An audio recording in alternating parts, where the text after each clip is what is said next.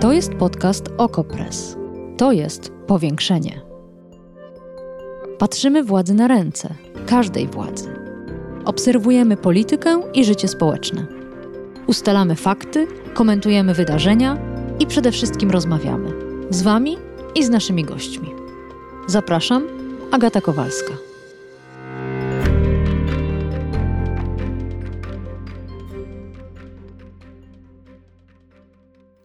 Dekadę temu podziwiałam w Paryżu rowery. I nie tylko te miejskie, znane teraz i w polskich miastach, ale rowery dostawcze. Pewna firma miała całą flotę rowerów cargo i takich rowerowych dostawczaków, którymi rozwoziła towary po francuskiej stolicy. Wszystko to działo się w państwie słynącym z zamiłowania do samochodów. Tyle, że doszło tam do rewolucji, rowerowej rewolucji. Wystarczy powiedzieć, że gdy wybuchła pandemia, francuskie miasta na wyścigi zaczęły tworzyć nową infrastrukturę rowerową, a sklepy na pniu wyprzedawały wszystkie velo. A rząd dosypywał pieniędzy i kibicował. A wracając do tych rowerowych dostaw w Paryżu. Pytanie, jaki sens ma zatrudnianie rowerzystów do wożenia ciężkich przesyłek? Czy ten trend się utrzymał, czy wygasł jako niepraktyczna błyskotka? Może współczesne miasta powinny skupić się na eliminacji aut, ale z ruchu prywatnego, bo to on pożera najwięcej przestrzeni, czystego powietrza i benzyny, a dostawy zostawić dużym samochodom dostawczym. Dyskusja dzisiaj w powiększeniu. Zapraszam.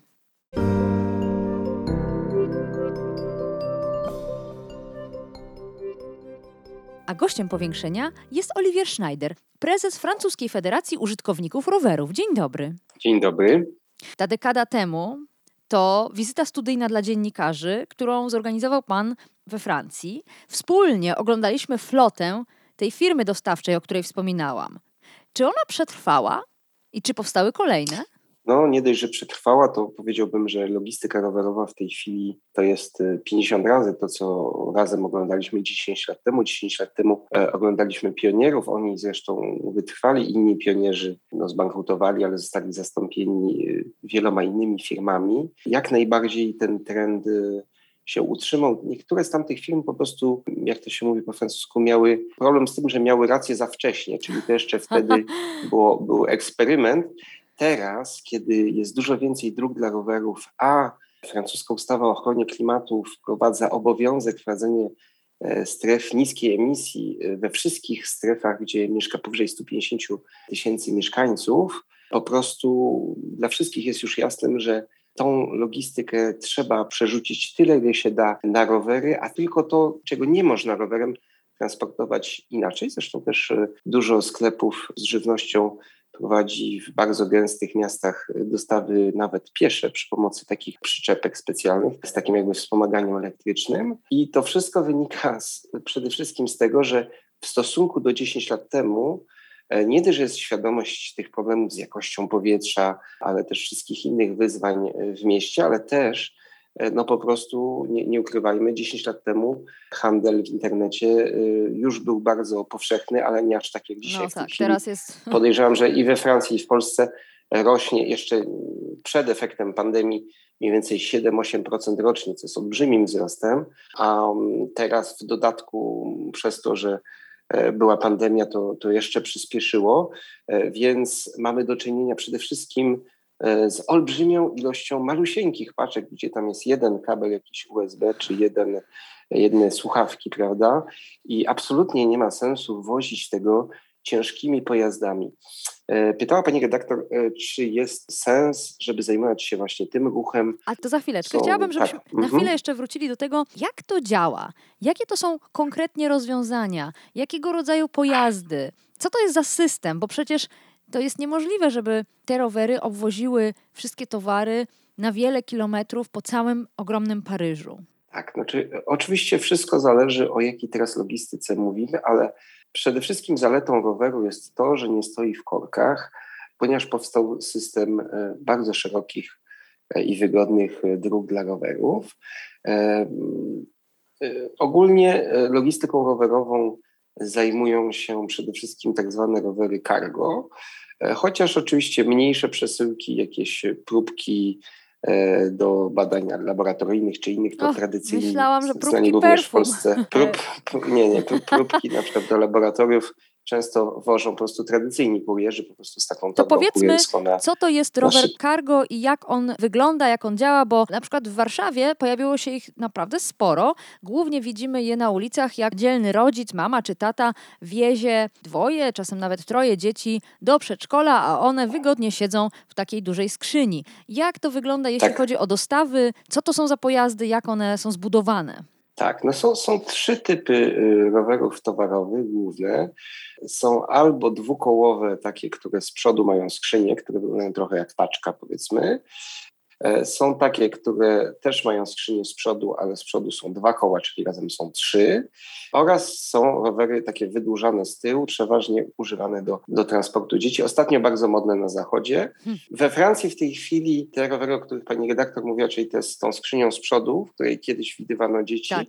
E, to ze względu na to, że, te, że to jest droższe rozwiązanie, rodzice się przerzucili na te tak zwane long taile, czyli że to tylne koło jest tak jakby pół mm. metra dalej z tyłu, jest taki bardzo długi bagażnik i te dzieci siedzą po prostu za rodzicem, bo to jest też łatwiej zaparkować i po prostu jest to, jest to tańsze rozwiązanie. A e, do dostaw Przede wszystkim są właśnie używane te dwukołowe rowery, które mają z przodu skrzynię. Oczywiście ta skrzynia często zrobiona na miarę, zależy co się transportuje. I dla rowerów, które robią cięższe dostawy, na przykład jakieś pralki, jakieś lodówki, e, często są e, specjalne przyczepki i te przyczepki mm. Na, są różne modele, ale na przykład mają budowane wspomaganie elektryczne, czyli że ta przyczepka w ogóle sama stoi, ona ma trzy koła, czyli jak ją zostawić, to, to ona nie, nie wywróci się, tylko mhm. może stanąć. Ma też hamulec ręczny, e, ma też hamowanie, no bo to oczywiście trzeba pociągnąć przyczepkę, ale trzeba też umieć się razem z nią zatrzymać. I te przyczepki mają w kołach silniki elektryczne, dzięki czemu no, dużo łatwiej się ciągnie taką przyczepkę. Dobrze. Taka przyczepka może spokojnie 300 kilo ciągnąć. Mówi Pan o rozwiązaniach elektrycznych, wspomaganiu elektrycznym, silniczkach. No to w takim razie wróćmy do rozwiązania, które jest w Polsce marzeniem wielu włodarzy miasta, ale i włodarzy państwa, czyli autach elektrycznych. Nie wystarczą, mniej trujące, wydają się idealnym rozwiązaniem. Samochody elektryczne rozwiązują bardzo mało problemów, które, które tworzą samochody. Oczywiście nie emitują w sposób bezpośredni, bo tam nie ma po prostu rury wydechowej. Niemniej połowa zanieczyszczeń pochodzących z samochodu wynika między innymi z tego, jak się opony pocierają podłoże i jako, że te samochody są przeważnie cięższe, to, to wręcz, wręcz to, to nie jest tak, że to są samochody, które powodują e, całkowity zanik emisji. Potem to też zależy od miksu energetycznego, ale to jest temat na osobną audycję, mm -hmm. to, to czy to zanieczyszcza, czy nie. Ale przede wszystkim problem z autami elektrycznymi jest taki, nawet jeżeli w Polsce wpuszczono je na, na, na buspasy, e, że one po prostu nie są wydajne e, przestrzennie. E, zabierają tyle samo miejsca, co tradycyjny samochód, a w miastach miejsca nam brakuje i rower ma taką zaletę, że jest przyciśnie się wszędzie. Mhm. Dodatkowo taki rower elektryczny jest dużo tańszy. Są też tańsze w eksploatacji rowery cargo, a w dodatku porównujemy coś, co ma 50 kW mocy z mm. czymś, co ma 250 no tak. W mocy, więc tu zarówno materiałów do stworzenia e, silnika, czyli tej tych, tych elektromagnesów i tak dalej, jak i przede wszystkim tych e, materiałów, które są potrzebne do stworzenia akumulatora, e, jest mniej więcej 50 razy mniej w takim rowerze cargo niż w samochodzie elektrycznym, a wiemy, że no te, te, to, to nie jest tak, że te materiały, które są w silnikach i które są w akumulatorach po prostu sobie leżą na ulicy. I że wystarczy je podnieść, je trzeba wykopać głęboko z podziemi, to nawet będzie kiedyś być może powodowało e, konflikty zbrojne, więc wszystko, co możemy zrobić przy pomocy lżejszego narzędzia należy tym zrobić, a cięższe pojazdy pozostawić dla, dla tych e, sytuacji, w których nie mamy innego wyboru. Wyjście, jasne. No. Ale e, czytam, że jedna z dużych firm dostawczych zadeklarowała, że wprawdzie w ciągu najbliższych dwóch dekad, a może nawet trzech, ale jednak chce przesiadać się na rowery. Tyle tylko, że w tej informacji prasowej podano zasadę ostatniej mili. To tam owa firma chce widzieć wykorzystanie rowerów. Co to za zasada i czy ona ma sens?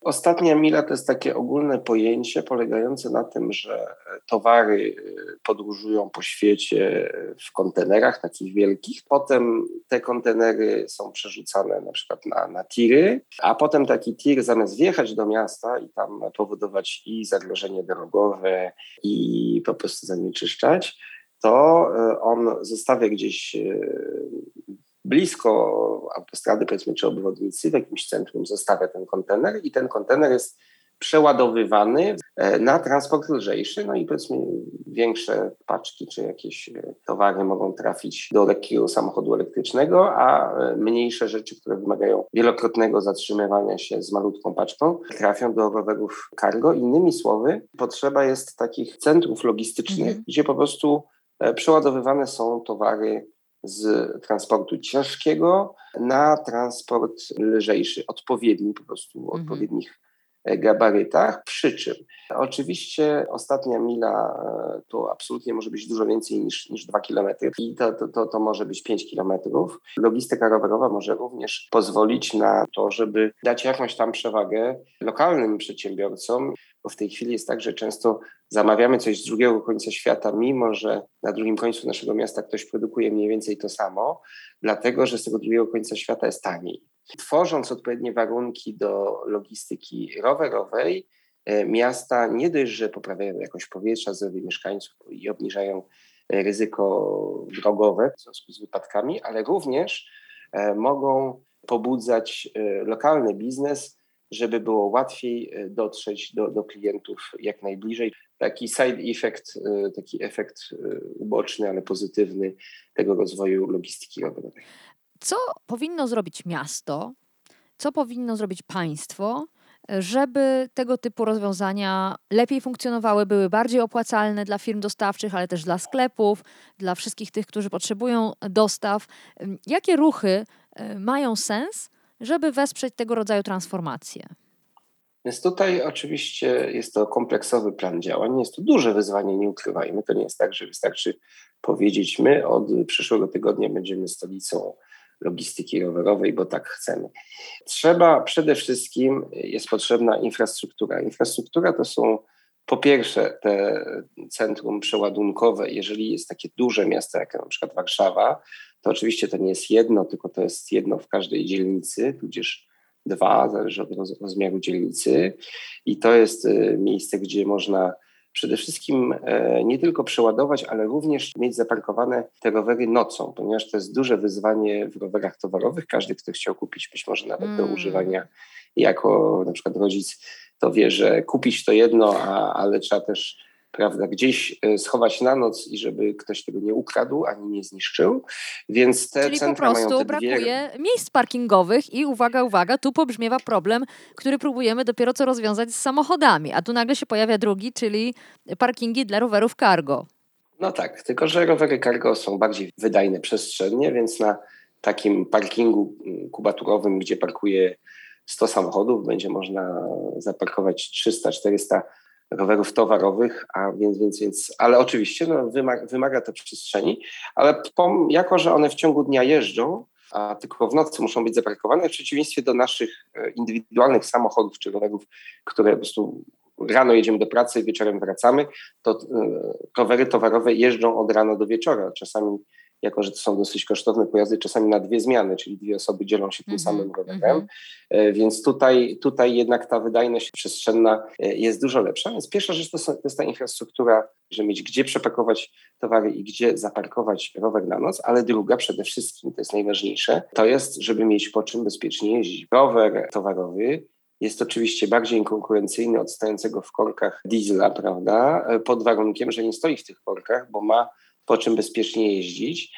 Szerokość prawda, tych rowerów jest y, czasami właśnie przyczepka, więc stąd wynika, że muszą być, y, musi być naprawdę e, dobrej jakości infrastruktura rowerowa, że e, nie może być uskoków, muszą być dobre, dobrze zaprojektowane łuki, żeby prawda, móc mhm. skręcić nawet mając tą przyczepkę i przede wszystkim też ta infrastruktura musi być należycie utrzymana. To jest kwestia odśnieżania. O, możemy, właśnie, właśnie, właśnie. Możemy... Bo tutaj rozpoczęłam dyskusję na Twitterze, gdzie często zaglądam, zachęcam Państwa też do tego. I tu między innymi pojawiły się głosy, że nic dziwnego, że Warszawa nie odśnieża dróg rowerowych, bo w końcu to nie Marsylia i y, po prostu warunki klimatyczne są zbyt trudne. A chodzi o to, że w Warszawie rowerzystów zimowych mamy sporo, tyle tylko, że muszą jeździć po zaśnieżonych, oblodzonych, bardzo nieprzyjemnych e, drogach dla rowerów. To co z tą Marsylią, co z tym odśnieżaniem we Francji, jak to jest z tym śniegiem?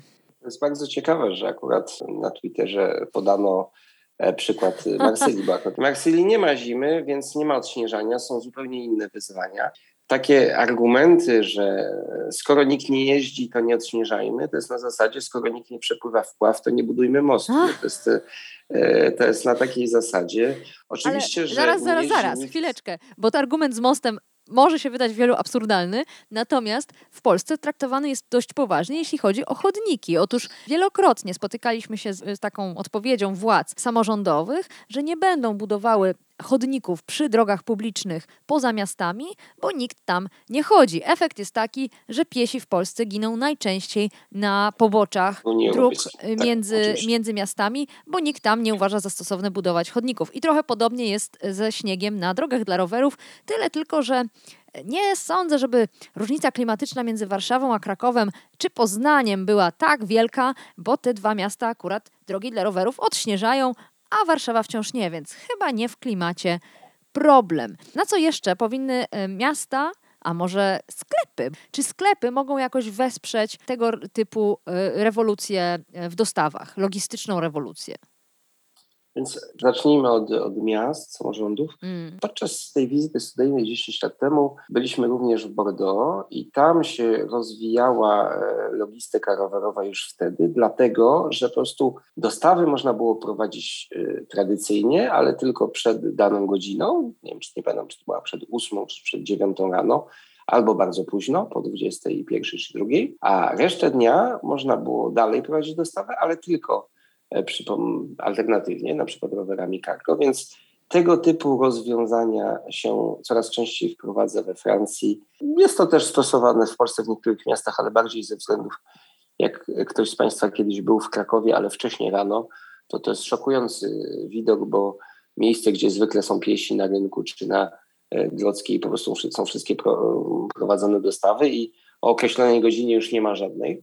E, nic nie powstrzymuje, żeby to się nie działo tylko w parku kulturowym, ale żeby w całym mieście to było e, i wtedy naturalnie e, przewagę zyskują te formy transportu, które najmniej szkodzą i są mm -hmm, najbardziej pożądane, mm -hmm, czyli mm -hmm, na mhm, przykład mhm. transport rowerami cargo.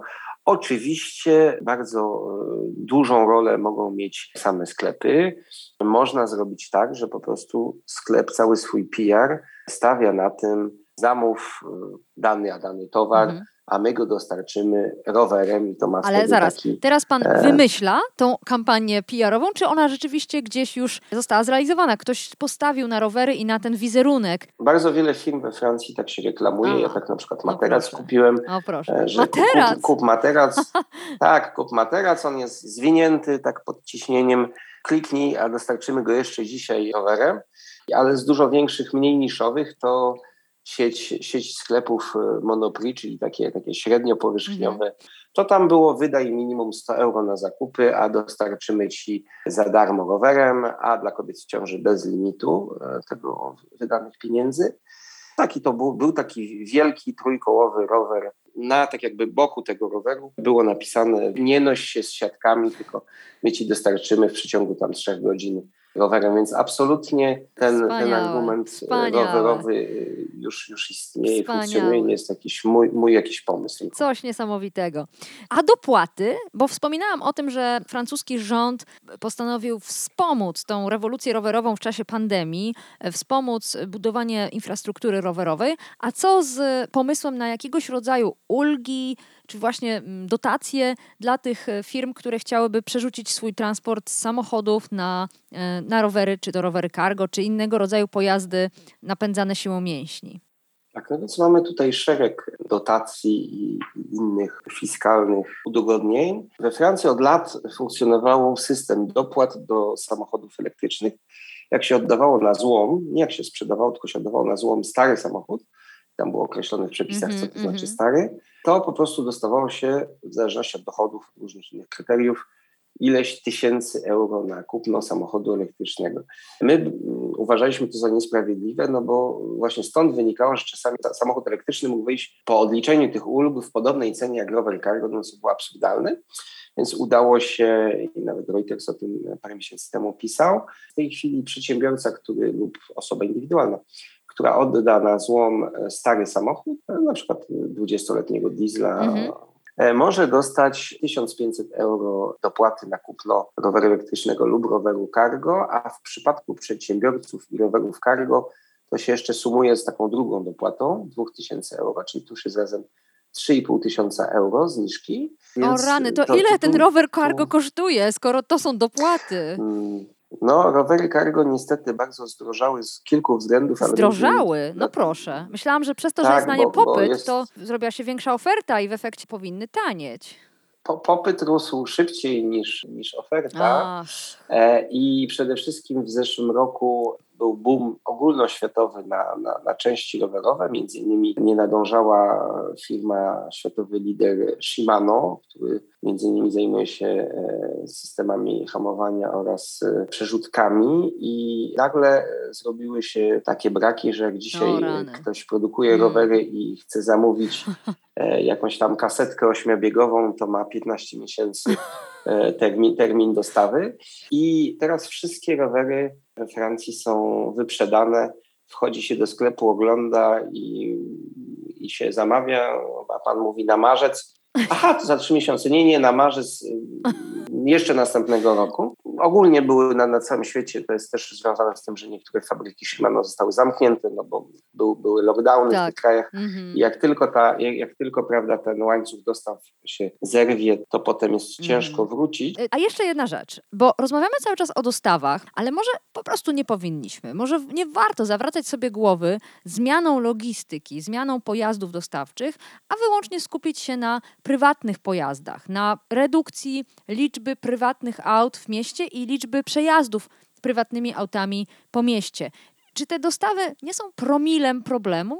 To jest bardzo ciekawe, bo owszem, flota sama samochodów dostawczych to jest niski ułamek samochodów w mieście. W przypadku y, czy taksówek, czy dostaw po mieście Mhm. to są No e, pojazdy, które jeżdżą Pracują. od rana do wieczora, więc Tak. one e, odpowiadają w tej chwili w naszych miastach mniej więcej 30% emisji e, tych różnych cząsteczek. Ach, moment, moment, nie- bo ja myślałam, że pan powie, no one na siebie pracują, nie marnują przestrzeni, nie stoją przez większość czasu, więc one tym bardziej mają prawo w mieście być. A pan tu z- zrobił woltę i nagle zaczął cytować statystyki dotyczące emisji. To Właśnie dlatego, że jeżdżą Mm. cały czas, e, Mhm. to są te, które jak najszybciej, e, gdzie tak jakby stopa zwrotu, jeżeli uda nam się zmienić to na Mhm. elektryczny lub na rower cargo, jest dużo szybsza, jeśli chodzi o zysk społeczny.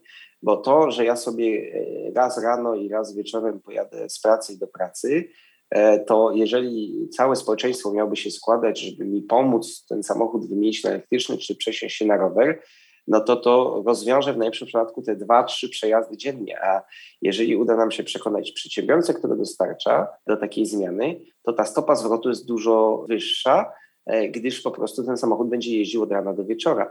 Wspomniałem o tej dopłacie, ale wspomniałem o, o innych mechanizmach, które Mhm. istnieją, na przykład w tych e, przyszłych, jeszcze nie, nieaktualnych, ale przyszłych strefach niskiej emisji, czyli tak naprawdę we wszystkich strefach gdzie jest powyżej 150 tysięcy mieszkańców, tam e, nie będą już mogły bardzo niedługo wjechać diesle, żadne diesle, a to jednak Mhm. duża część tych białych takich aut dostawczych, które znamy, często z jakimiś napisami firm kurierskich, tak jest. to są diesle, e, więc e, jest system taki, żeby po prostu przekonać te firmy, żeby one się przesiadły na rowery elektryczne. Nie dość, że są te dopłaty, jak się zezłomuje samochód, to jeszcze jest dopłata do każdej dostawy, która odbyłaby się klasycznie e, termicznie, a została e, zmieniona po prostu na, e, na mobilność aktywną, czyli pieszo lub rowerem. I to polega na tym, że zbierane są ślady tych przemieszczeń, prawda, rowerem dostawczym. Te, te ślady są anonimizowane i prze, przetwarzane przez algorytm. Tu algorytm sprawdza według parametrów prędkości, przyspieszenia i tak dalej, bo e, rower towarowy przemieszcza się średnio szybciej niż auto dostawcze, ale e, dlatego, że mało staje, a nie dlatego, że jeździ szybko, prawda? Jeżeli jakiś pojazd porusza się 50 km na godzinę, to znaczy, że raczej nie jest to rower dostawczy. I ten algorytm pozwala określić, ile dostaw dana firma tego dnia zrobiła i czy na pewno zrobiła je przy pomocy mobilności aktywnej. I dzięki temu miasta wyznaczają takie trajektorie, że dzisiaj ty, firmo jakaś tam, e, e tylko 10% swoich dostaw e, prowadzisz e, aktywnie, a reszta jest robiona dieslami to ustalmy, że za pół roku będzie już 20%, y, za rok 30%, a za dwa lata 100%. Dzięki temu systemowi, temu algorytmowi będziemy to monitorować, czy, czy nie robisz na, że mam buko, czy naprawdę tak robisz. A jeżeli tak robisz, to e, zwracamy ci 50 e, eurocentów, e, czyli mniej więcej 2 zł za każdą dostawę, która standard, za tą tak jakby nadwyżkę, czyli przechodzę z 10 do 20%, to mam 10 dodatkowych punktów procentowych, to za każdą taką nadliczbową e, w stosunku do wcześniejszej historii dostawę e, miasto dopłaca te 2 złote, e, dzięki czemu po prostu się zwyczajnie opłaca inwestować w te rowery towarowe i firmy mogą się przekonać, że to działa, że, że, że to nie jest tak, że mają olbrzymie paczki, że każdy dostarcza tylko fortepiany i odkurzacze, pralki od rana do wieczora i że po prostu E, nie może tego robić. Jest wielu przedsiębiorców, którzy po prostu potrzebują spróbować, żeby się przekonać, że to tak naprawdę działa, bo oni często sceptycznie podchodzą. No tak, na papierze tak, ale ja, ja lepiej znam, nie uczcie mnie, ja lepiej wiem, na czym mój, mój zawód polega. Więc chodzi o przekonanie ich, żeby spróbowali i przeważnie jak już spróbują, to no tak, są, jest szereg wyzwań, trzeba te rowery serwisować co tydzień, e, trzeba często wymieniać hamulce, bo one jeżdżą 100 kilometrów dziennie i tak dalej, ale jednak rzeczywiście wbrew temu, co myślałem, e, absolutnie da się to zrobić i nawet, nawet jest to bardziej opłacalne. Mm. Więc, więc są te dwa główne narzędzia. No i trzecia rzecz to jest po prostu ograniczyć wjazd samochodów e, w ogóle, tak jak we Francji, lub przynajmniej w jakichś konkretnych godzinach, żeby e, te rowery cargo były bardziej opłacalne. Jest zawsze, pamiętajmy, wśród wszystkich, zarówno przedsiębiorców, jak i osób prywatnych, opór do zmian. Jeżeli nie spowodujemy jakiegoś impulsu, że ktoś spróbuje i się przekona, że tak naprawdę tak jest lepiej, to zmian nie będzie. I stąd rolą e, właśnie e, samorządów i państwa jest, żeby analizować, jakie zmiany są potrzebne i znaleźć odpowiednie narzędzia, e, żeby zachęcić, mimo tego oporu do zmian, żeby po prostu ktoś to przetestował i się przekonał na własnej skórze, że to nie jest takie złe. A już na koniec, czy liczba aut posiadanych przez mieszkańców francuskich miast spada? Bo rozmawiamy o tych różnych, niektórych wręcz oszałamiających rozwiązaniach prorowerowych. Zastanawiam się, na ile mają one wpływ na ogólną liczbę samochodów we francuskich miastach. E, liczba samochodów e, spada i jest to bardzo związane z tym, że młode pokolenie nawet się nie stara o prawo jazdy, więc po prostu osoby już w naszym wieku, 40-latkowie, posiadają dużo mniej samochodów niż ich rodzice, ale z kolei e, dzieci naszego -hmm. pokolenia, te, które teraz wkraczają w dorosłość, już w ogóle dla nich samochód e, nie jest częścią rozwiązania, jeśli chodzi o mobilność. Mogą pojeździć rowerem, mogą pojeździć komunikacją zbiorową, ewentualnie wsiąść w taksówkę. Ci, którzy zdadzą prawo jazdy, to ewentualnie coś wynająć czy skorzystać z carsharingu ekonomia posiadania na własność e, samochodu jak najbardziej jest w odwrocie. Jak to rozumieć? Co ci młodzi myślą o samochodach? Dla nas w Polsce to wciąż jeszcze symbol prestiżu, też y, myślę, że takie narzędzie bezpieczeństwa. Wsiadam do swojego auta i czuję się jak u siebie. Jest to bardzo zróżnicowane w zależności od społeczności i, od y, też od miejsca zamieszkania. Przede wszystkim podchodzi się do tego pragmatycznie, jak do środka transportu i skoro teraz wystarczy kliknąć w telefonie żeby to ktoś mnie gdzieś zawiózł, to, to po co posiadać własny samochód i potem e, musieć go parkować, musieć go utrzymywać, nie móc e, go prowadzić, jak się wypiło e, dwa piwa. Oczywiście jest część osób, przeważnie właśnie tych, których najmniej stać na samochód, mieszkających w miastach, ale w częściach, gdzie jest gorzej rozbudowany transport zbiorowy i jeszcze nie rozbudowany odpowiednio transport rowerowy, gdzie dalej mieć jakieś tam BMW czy coś tam, to jest po prostu symbol społeczny, ale to jest coraz bardziej już niemodne i nowe pokolenie naprawdę nie jest zainteresowane tym, bardziej zainteresowane tym, jakiego ma smartfona no. i, i, i, I co tam się ma, dzieje? Prawda, followersów, followersów media, oczywiście. Niż, niż jak ten samochód wygląda. Jasne. A jeszcze ostatnia rzecz. Da się zaparkować w Paryżu bezpłatnie, za darmo? Nie. Oczywiście zaparkować samochód. Odpowiedź jest nie, nie. Jak e, ktoś przyjedzie teraz na jeden dzień zaparkować e, nie mieszkający w Paryżu, to to jest rzędu 50 euro za ten jeden dzień. I nie, nie ma żadnego miejsca w Paryżu, e, gdzie można się postawić za darmo, nawet na krótko. A no oczywiście dla mieszkańców są, są pakiety, że jest taniej niż dla, dla przejezdnych i też ulice są podzielone na małe uliczki, gdzie jest taniej i na, na te główne, gdzie E, musi być zapewniona e, rotacja, ale tak. jak najbardziej, e, jak najbardziej to, to, to, ten koszt parkowania jest bardzo wysoki. Do niedawna te koszty były tak wysokie, a mandaty tak śmiesznie niskie, że bardziej się opłacało nigdy nie płacić i po prostu płacić za mandaty. Mhm. W związku z czym rok temu weszła w życie reforma, że już te mandaty są zróżnicowane w miastach w zależności kosztu opłat, a nie zryczałtowane. W Polsce jest duży problem z e, maksymalną stawką ustawową za, za godzinę parkowania. To uniemożliwia samorządom skuteczne tworzenie e, polityki, e, jeśli chodzi o zarządzanie parkowaniem w mieście. Katastroficzny w Polsce jest też przepis zezwalający na parkowanie na chodniku, który jak o, ale to o tym już wskazuje, dzisiaj, powinna służyć tym, do, do, do O tym już dzisiaj e, nie będziemy rozmawiać, bo byśmy musieli spędzić e, wspólnie chyba całą godzinę. Ale mam nadzieję, że jeszcze kiedyś e, wrócimy do tego tematu. Zastanawiam się nad tym, czy Państwo byliby zainteresowani cyklem rozmów o przyszłości transportu w miastach. Nie musimy wybiegać daleko. Warto zajrzeć do miast zachodnich, zobaczyć, jakie tam są trendy, jakie tam są rozwiązania i dlaczego władze publiczne mieszkańcy też je wspierają. Oliver Schneider, prezes Francuskiej Federacji Użytkowników Rowerów, był Państwa i moim gościem. Dziękuję. Powiększenie. Podcast Okopres.